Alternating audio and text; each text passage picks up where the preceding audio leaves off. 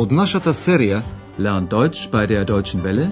Учете германски со Deutsche Веле, чујте ја серијата Deutsch, warum nicht? Германски зошто не?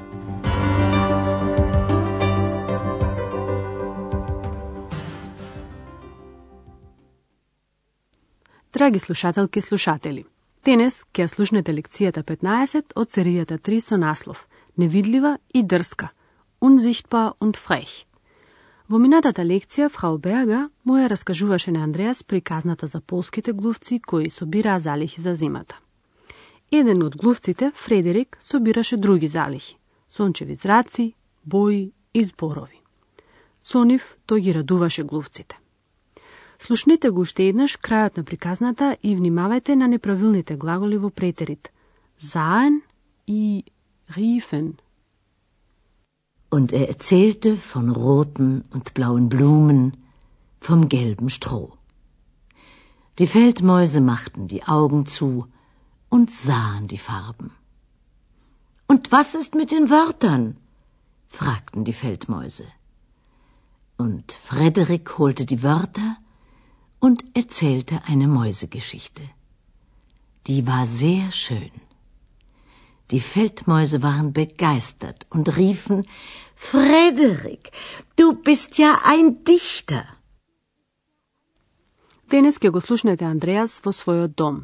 Тој е меланхолично расположен, слуша музика и мисли на екс која веќе одамна е исчезната. Но денес таа ќе му се врати на Андреас. Слушнете го тоа и концентрирајте се на прашањето што кажува Андреас за екс. Ach,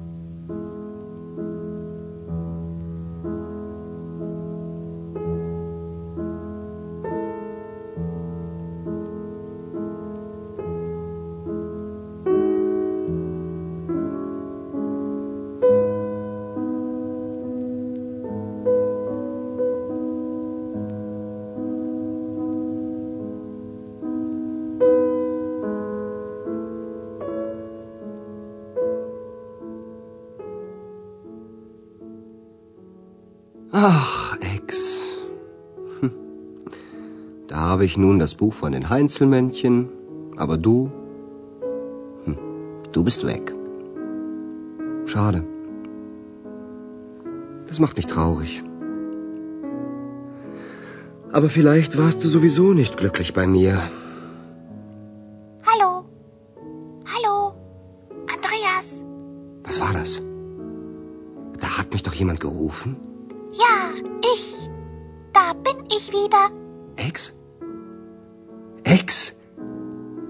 Bist du es? Ja, ich bin's. Kennst du mich nicht mehr? Natürlich kenne ich dich noch. Aber du bist ja immer noch unsichtbar. Sag, geht es dir gut? Oh ja, wunderbar. Sehr gut, fantastisch, super. Schon gut. Schon gut, ich höre, du bist immer noch die alte Ex. Unsichtbar und... Frech. Mhm. Андреас утврдува дека екс не е изменета. Слушнете уште еднаш повторната средба на екс и Андреас. Андреас се жали дека иако ја има книгата за Хайнцелментјен од каде екс излезе и дојде кај Андреас, дека неа сепак ја нема. Ach, Ex. Hm. Da habe ich nun das Buch von den Heinzelmännchen, aber du, hm, du bist weg. Андреас жали и вели, штета, тоа ме прави тажен. Schade, das macht mich traurig. Тој продолжува да зборува сам со себе, но ти може би сепак не беше среќна кај мене. Aber vielleicht warst du sowieso nicht glücklich bei mir. Без да знае, Андреас го изговори волшебниот збор зови зо, сепак, и екс повторно ќе се појави. Hallo? Hallo? Andreas? Андреас потонат во мислите ќе се исплаши. Што беше ова? Дали некој ме викна? Was war das? Da hat mich doch jemand gerufen? Како да се подразбира незиното повторно појавување, екс вели. Да, јас, еве ме повторно. Ja, ich. Da bin ich wieder. Андреас не може да поверува дека екс е повторно тука и прашува за да биде сигурен. Ти си? Bist du es? Екс ке праша, зарем не ме познаваш повеќе? Ja, ich bin's. Kennst du mich nicht mehr? Секако дека Андреас ја познава, но таа е се уште невидлива. Natürlich kenne ich dich noch. Aber du bist ja immer noch unsichtbar. Андреас прашува дали е се во ред со екс. Sag, geht es dir gut?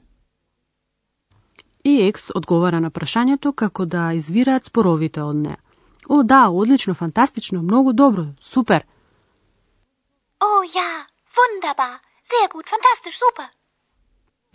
Андреас почнува да се смее и се радува дека екс воопшто не се изменила. Тој вели, добро, добро, слушам, ти си се уште старата екс. Schon gut. Schon gut. Ich höre, du bist immer noch die alte Ex. Андреас многу го интересира каде била за цело време кога ја немаше. Таа му кажува дека ги барала Хайнцелминќин. Слушнете оваа приказна и сконцентрирајте се на прашањето. Каде екс не ја кажува вистината?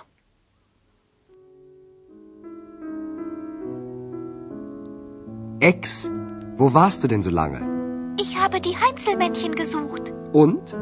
Hast du sie gefunden? Nein, sie waren nicht mehr da.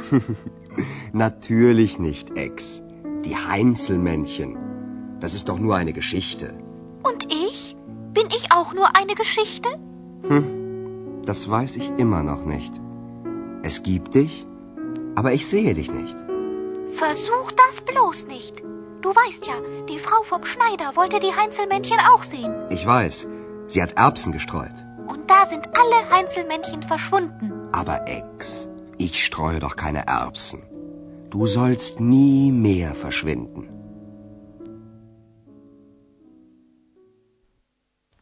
Како што се сеќавате, екс ги бараше Хайнцел Ментјен и таа зборуваше со едне од нив. Но на Андреас не му ја кажува вистината и му вели дека тие веќе не биле таму. Слушнете го уште еднаш разговорот. Андреас прашува каде била екс толку време.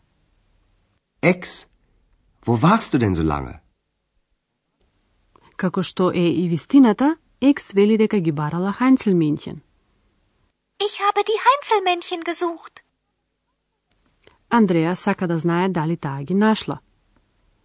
Und? Hast du sie gefunden? Но екс му вели дека тие веќе не биле таму. Таа се уште не сака да му каже за волшебниот спор, а Андреас не може ниту да предпостави нешто такво. Сочувствувајќи со екс, тој ја теши. Се разбира екс, тие се само во приказните. Natürlich nicht, Ex. Die Heinzelmännchen. Das ist doch nur eine Geschichte. Екс чувствително реагира и прашува, а јас? И јас ли сум само приказна? Und ich? Bin ich auch nur eine Geschichte? Андреас и го кажува на екс тоа што го прави несигурен. Те има, но јас не те гледам. Es gibt dich, aber ich sehe dich nicht. Самата помисла дека Андреас би сакал да ја види, ја плаши екс и таа му вели, немој ни да се обидуваш. Versuch das bloß nicht. Таа го подсетува на приказната со Хайнцел Ментјен дека и жената на кројачот сакаше по секоја цена да ги види Хайнцел Ментјен. Du weißt ja, die Frau vom Schneider wollte die Heinzelmännchen auch sehen. Андреа знае дека жената на кројачот истурила грашок за да ги види малите коболди. Ich weiß, sie hat Erbsen gestreut. И екс го предупредува Андреас дека од тогаш сите Хайнцел Ментјен се исчезнати. Und da sind alle Heinzelmännchen verschwunden. Андреас ја смирува екс и вели дека нема намера да истура грашок, за таа никогаш повеќе ни меа да не исчезнува. Aber Ex, ich streue doch keine Erbsen. Du sollst nie mehr verschwinden. Сега ќе се свртиме кон граматиката и ќе ви ја објасниме градбата на неколку придавки.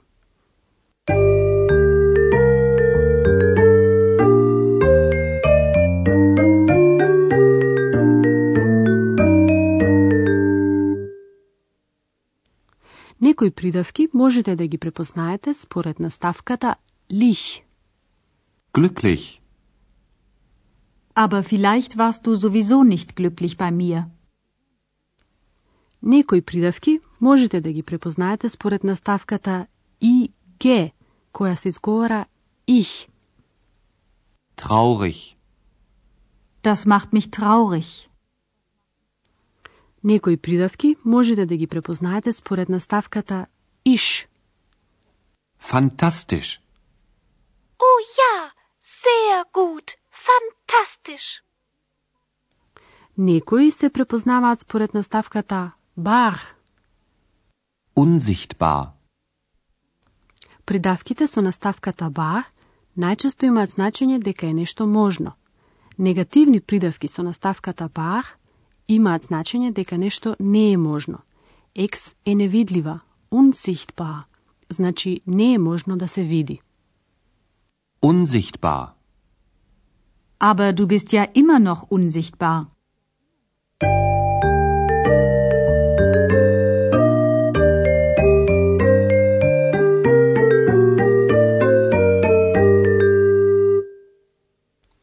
Слушнете ги уште еднаш двата разговори.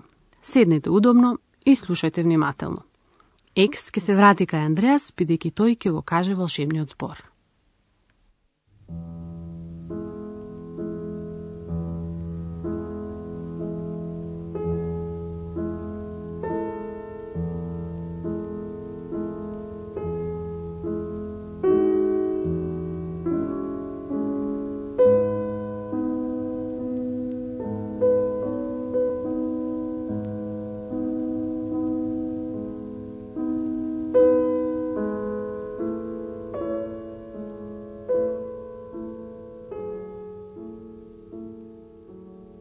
Ach, Ex.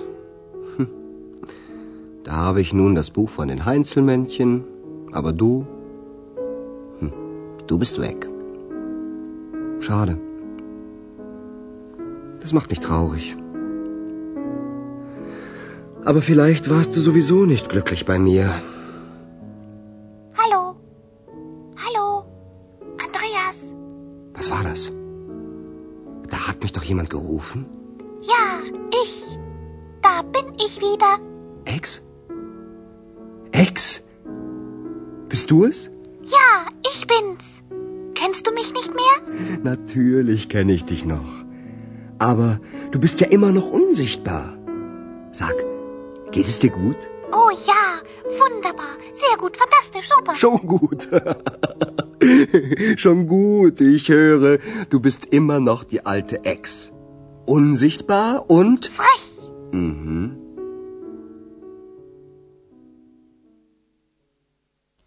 Екс раскажува каде била.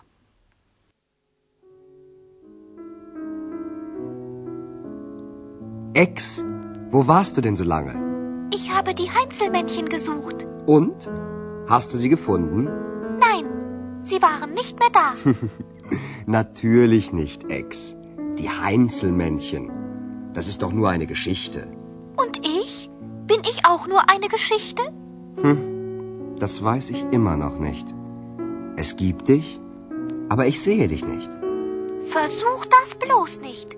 Du weißt ja, die Frau vom Schneider wollte die Heinzelmännchen auch sehen. Ich weiß, sie hat Erbsen gestreut.